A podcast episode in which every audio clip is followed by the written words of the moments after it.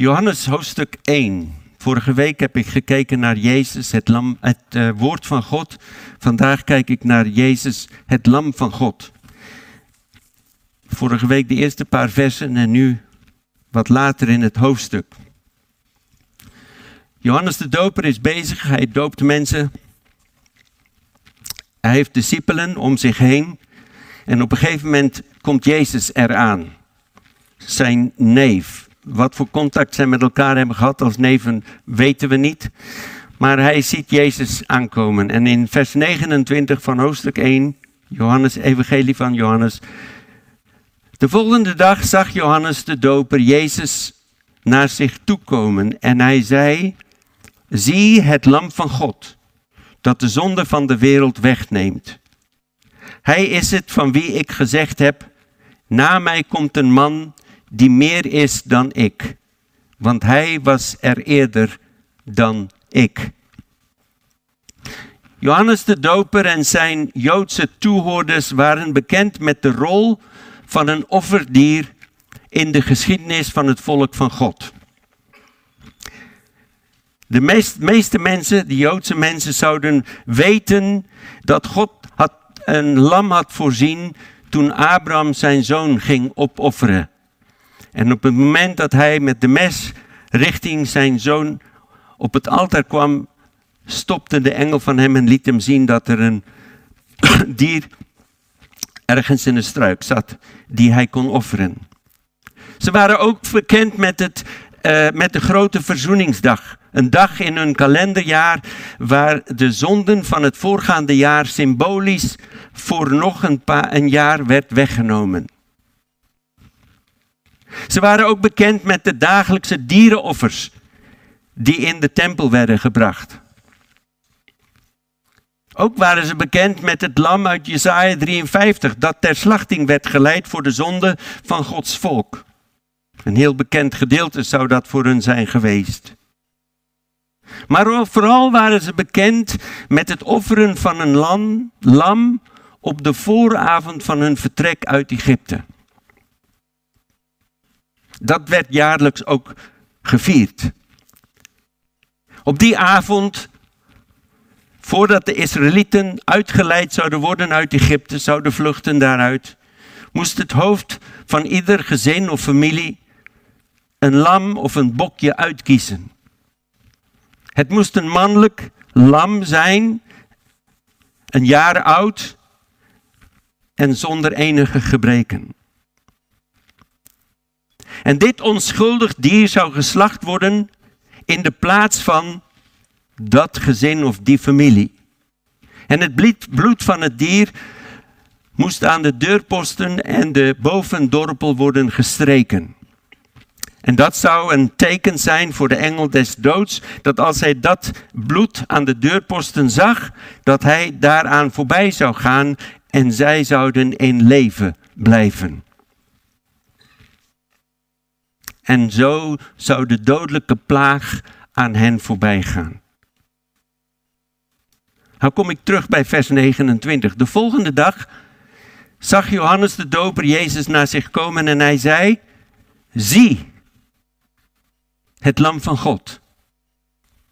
Zo ze weten alles over het lam in het Oude Testament. En nu komt Johannes en hij zegt op een bijzondere manier, ik weet niet hoe dat gegaan is.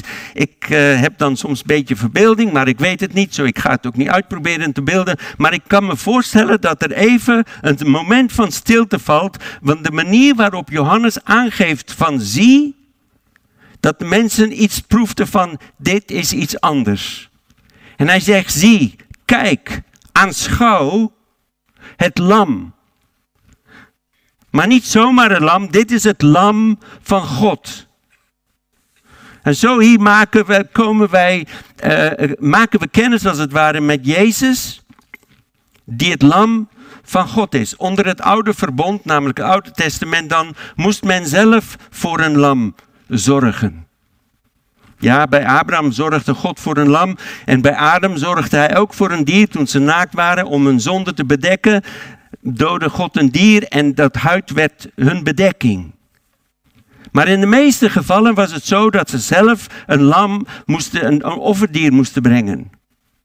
Maar nu zegt Johannes, zie het lam van God. Hij is de voorziening van God, onze lam.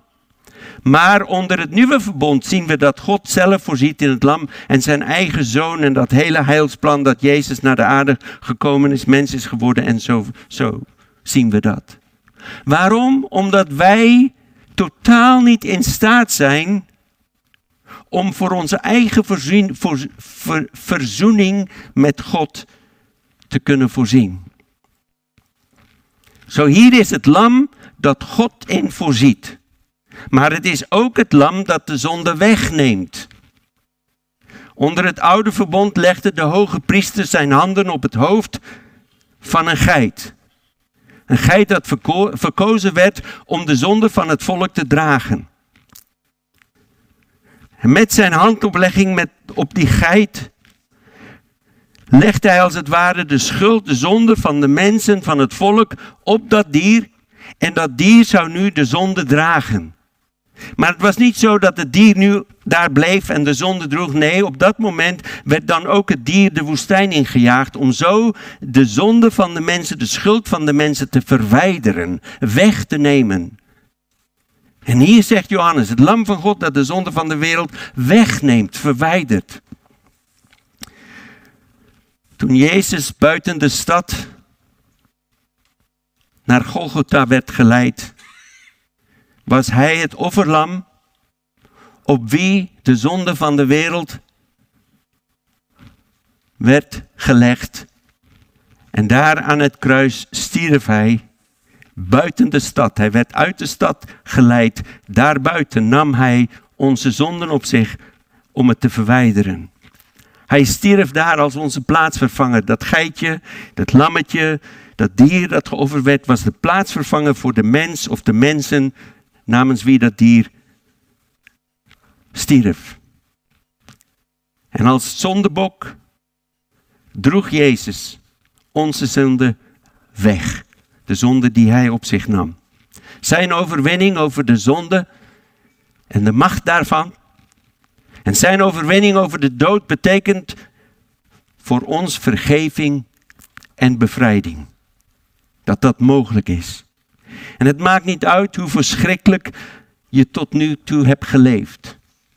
Het maakt niet uit welke gruwelijke daden of dingen je hebt gedaan.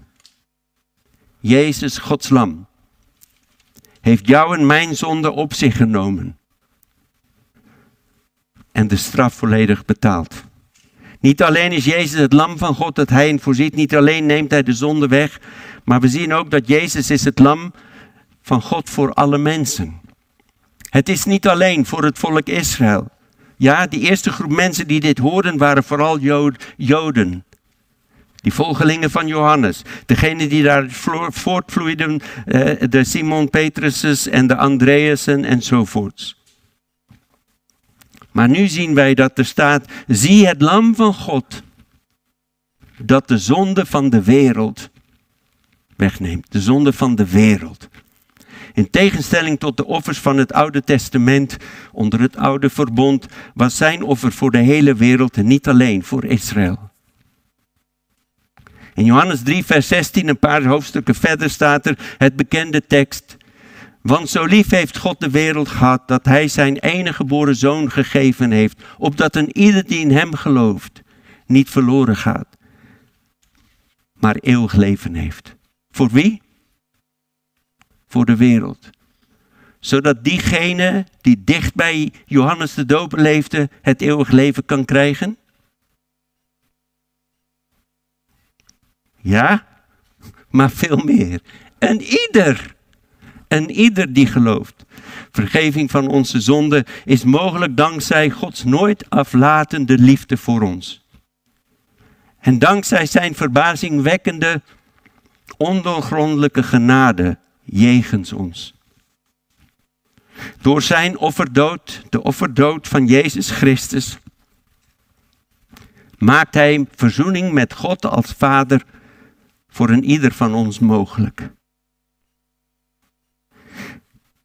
En hoewel er vele mensen zijn die dat offer hebben aangenomen, dat omarmd, tot zich hun eigen gemaakt hebben, Jezus dagelijks aanbidden, Hem willen volgen, God de Vader tot op een hoogte kennen, proberen zich te laten door de Heilige Geest, zijn er veel christenen die nog steeds worstelen met schuldgevoelens.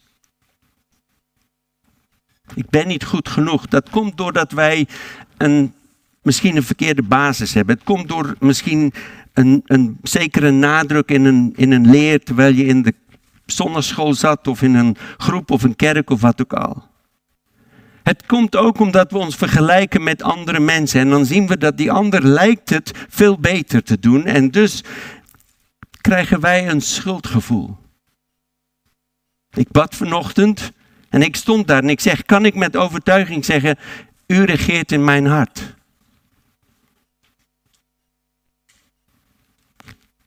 En ik leef niet met een schuldgevoel daarover, maar ik weet hoe God werkt. En als dat zo die vraag is, en ik denk dat het goed is om die vragen te stellen, dan zeg ik, laat mij zien dan, Heer, waar. Ik wil veranderen. Ik wil meer en meer lijken op u. Ik heb geen schuldgevoel. Ik heb ze wel eens, maar het is niet dat ik continu onder een schuldgevoel leef. Maar er zijn mensen die, die gaan gebukt onder dat gevoel.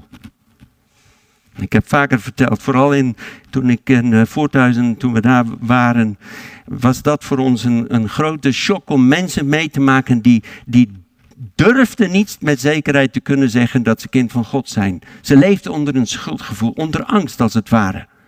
Nou, dan ging ik een paar keer ook nog naar een begrafenis waar er geen enkel hoop was. En dan loop je met een schuldgevoel.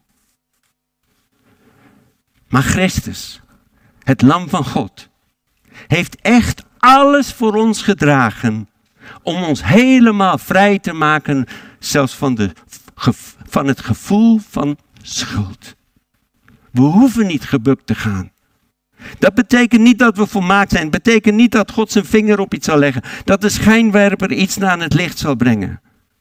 Maar we kunnen van het schuldgevoel af zijn als we ook daadwerkelijk dan doen wat God van ons daarover vraagt. Om ons te bevrijden, Jezus Christus is gestorven aan het kruis, om ons te bevrijden van alle zonden en ook alle schuldgevoelens. Onze eigenzinnigheid, onze rebellie, onze misstappen, onze falen, onze overtredingen. Die we ook nog doen wanneer we kind van God zijn. Gods woord zegt van beleid dan je zonde. En hij is trouw en rechtvaardig om je al je zonden te vergeven. Het is een proces. Waarin steeds meer en meer we gaan lijken op Jezus Christus. Toen Jezus het geloof van de vier vrienden zag, die een verlamde vriend naar Jezus toe brachten door het dak. Toen zei Jezus op een gegeven moment tegen die man, zoon, jouw zonden zijn jou vergeven. En nog steeds zegt Jezus tegen iedereen die hem heeft aangenomen, tegen iedereen die zijn hart, zijn leven aan Jezus heeft toegeweegd, nog steeds zegt hij, zoon, dochter, je zonden zijn vergeven.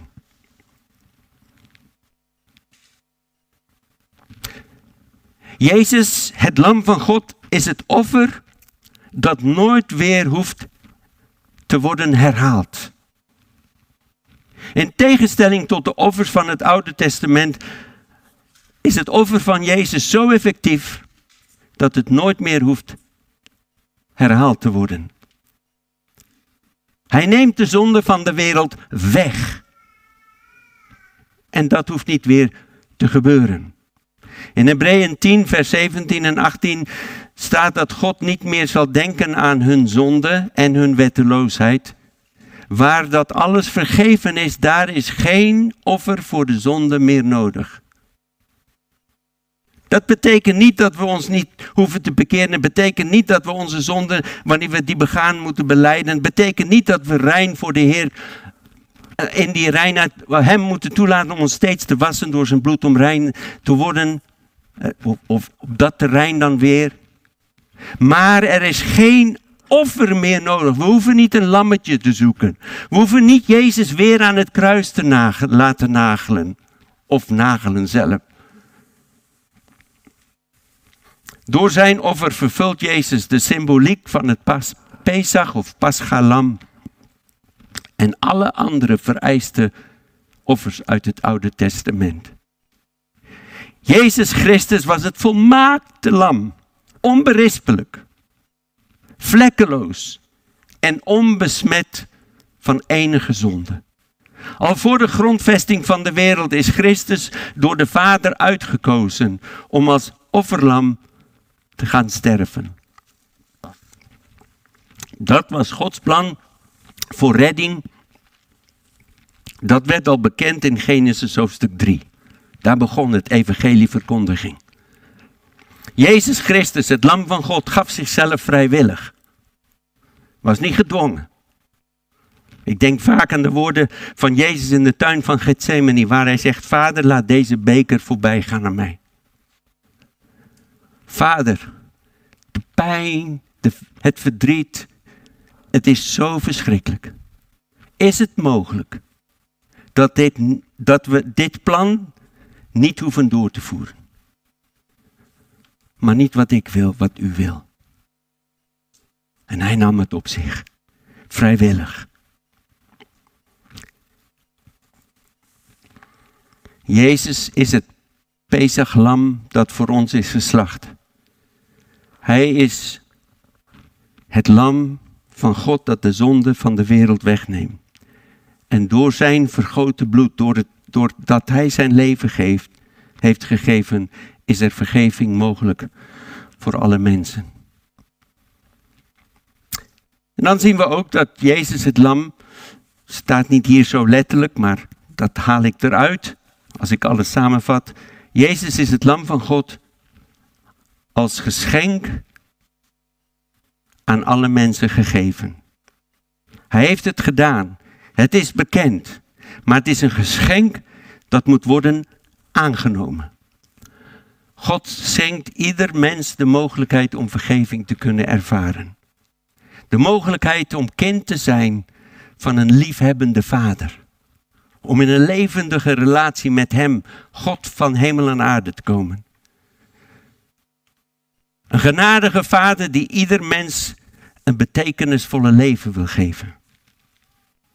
Iedereen die het wil geloven en zijn offer aanneemt en omarmt.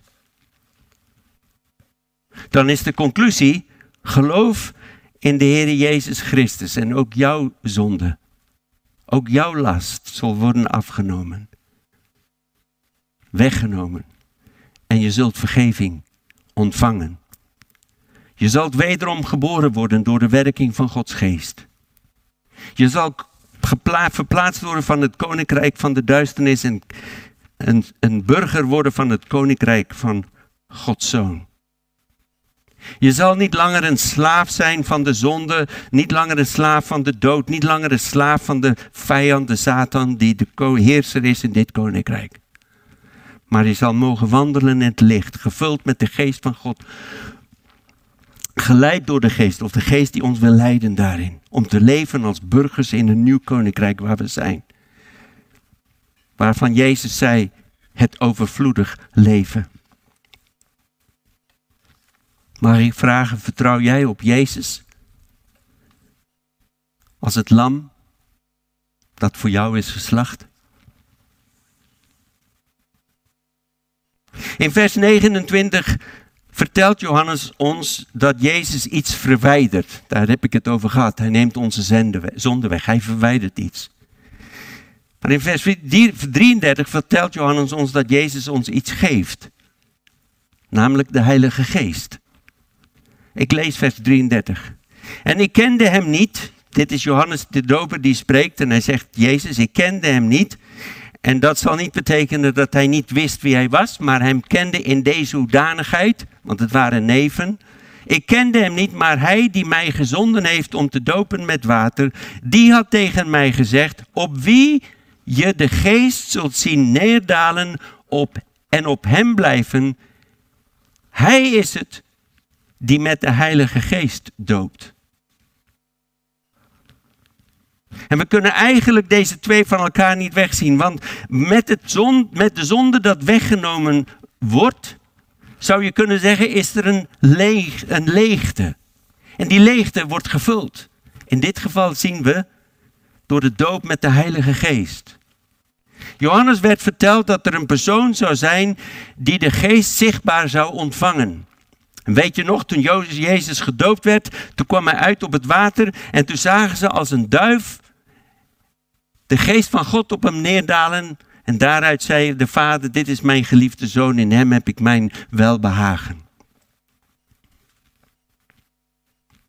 En Johannes had gehoord dat dit zou gebeuren. Hij wist niet hoe precies, maar hij wist dat Jezus zou vervuld worden met de Heilige Geest en daarmee kracht ontvangen om hem in staat te zijn om de verlosser van de mens te zijn. En wat betekent dan de doop met de Heilige Geest? Het is het bekrachtende werk van God in ons. Waardoor we in staat worden gesteld getuigen van Jezus Christus te zijn. Dat zijn de woorden van Jezus in Handelingen 1, vers 8. Waar Jezus tegen zijn discipelen zegt van ik ga zo meteen weg. Maar jullie zullen de Heilige Geest ontvangen. En Hij zal jullie bekrachtigen om mijn getuigen te zijn. Waar je ook bent. Wees mijn getuige. Ik las van de week iets moois. Een gezegde over Wees mijn getuigen. En indien nodig gebruik dan woorden.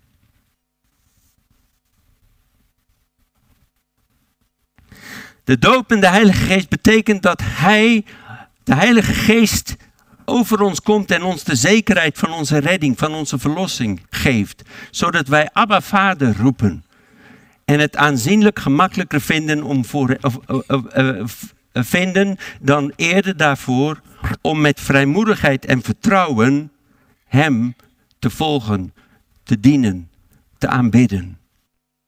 Het is met de doop in de Heilige Geest is het een onuitsprekelijke vreugde dat, we, dat plaatsvindt, omdat we bewust worden op een andere manier van Gods liefde.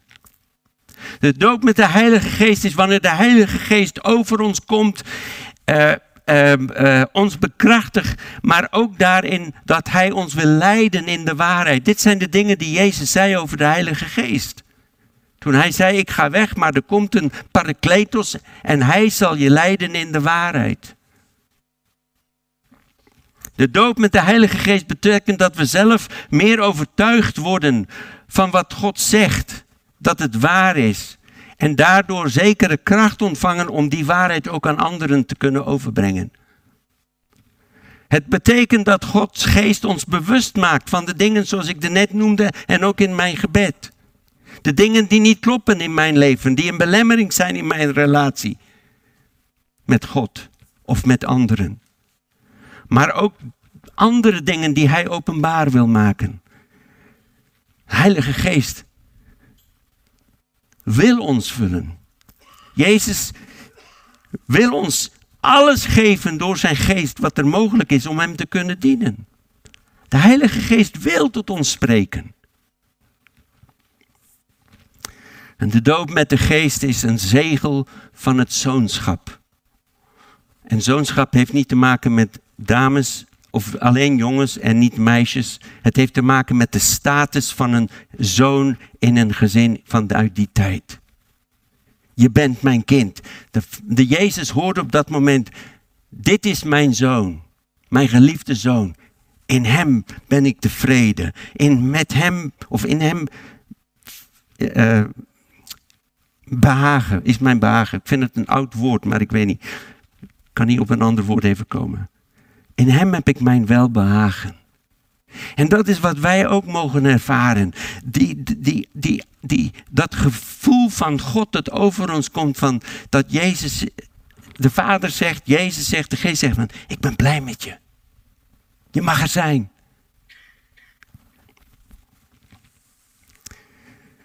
Zo Johannes zegt, dit lam van God die komt en hij neemt iets weg. Dat is de zonde. En van wie? Van de hele wereld. En op welke wijze? Hij is een lam dat geslacht gaat worden.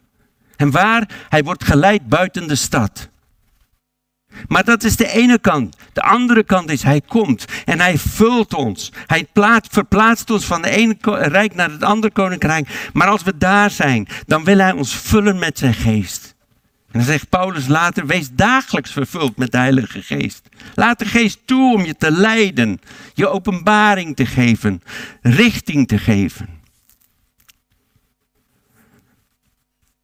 Op Hem mogen we vertrouwen. Niet op Johannes de Doper, ja wat hij zei. En naar wie hij verwees.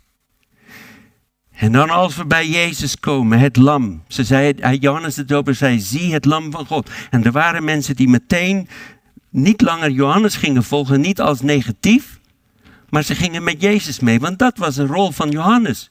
Hij zei, er komt iemand na mij die groter is dan mij. Ik ben de wegvoorbereider. Ik ben degene die de, het, de, de grond omploegt, zodat wanneer hij komt, zijn zaad kan gaan ontwikkelen. En zo aan de ene kant kan ik me voorstellen dat wanneer hij ziet dat een paar van zijn discipelen Jezus vragen, nou waar verblijft u dan? En Jezus zegt, kom met me mee. En hij ziet zijn discipelen gaan. Aan de ene kant is het van een einde van een bijzondere relatie misschien. Maar aan de andere kant weet Johannes dat hij hiervoor gekomen is. En dan moet het hem veel vreugde geven. Want als je als leider zo bezig bent, dan geeft het je ook vreugde. Dat je dan ziet van, nu gaan zij doen waarvoor ik hen heb voorbereid. En als we bij die Jezus dan komen, die het lam van God is. Wanneer Johannes de Doper zegt van, zie, kijk, neem waar. Dan vraagt het van onze reactie. En wanneer wij tot Hem komen en zo in de woorden van Jezus bij Hem komen drinken, en zal Hij zijn, zijn belofte vervullen. En zal Hij ons dat levend water geven. Zal Hij ons dopen met zijn geest. Het is niet iets waarvoor je hoeft te wachten. Het is niet iets dat je zal bereiken als je op de derde trede zit. Maar gewoon zeggen, hier ben ik Heer. Vul mij met uw geest. Ik wil het lam zien in zijn volheid, in zijn heerlijkheid, in al zijn glorie. En ik wil hem volgen. Heer Jezus, dank u wel dat u bereid was het lam van God voor ons te zijn. Dank u wel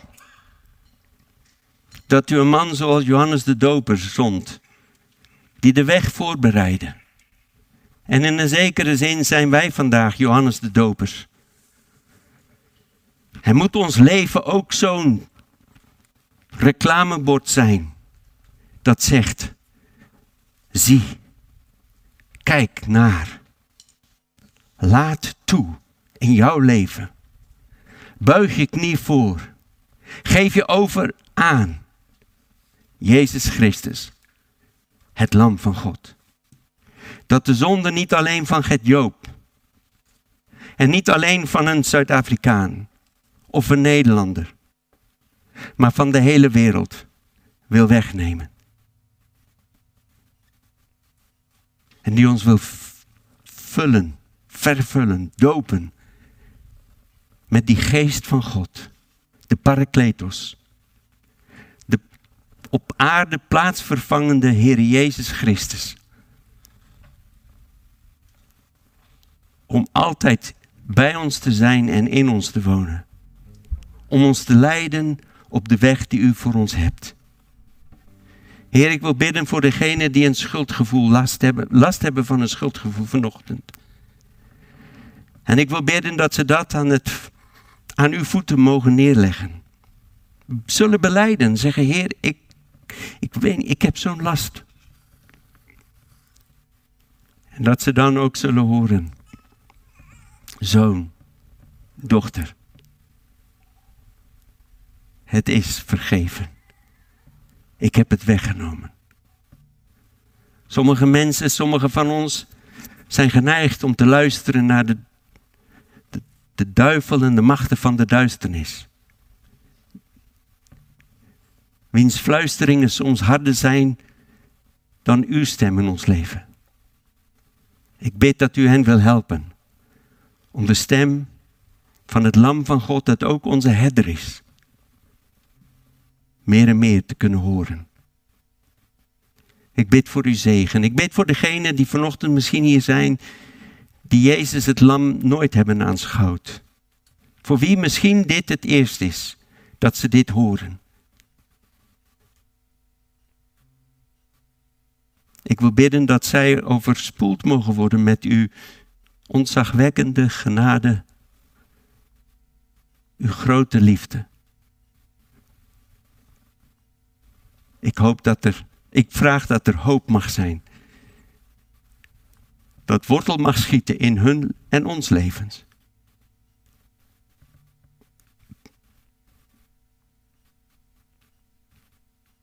In Jezus' naam. Amen.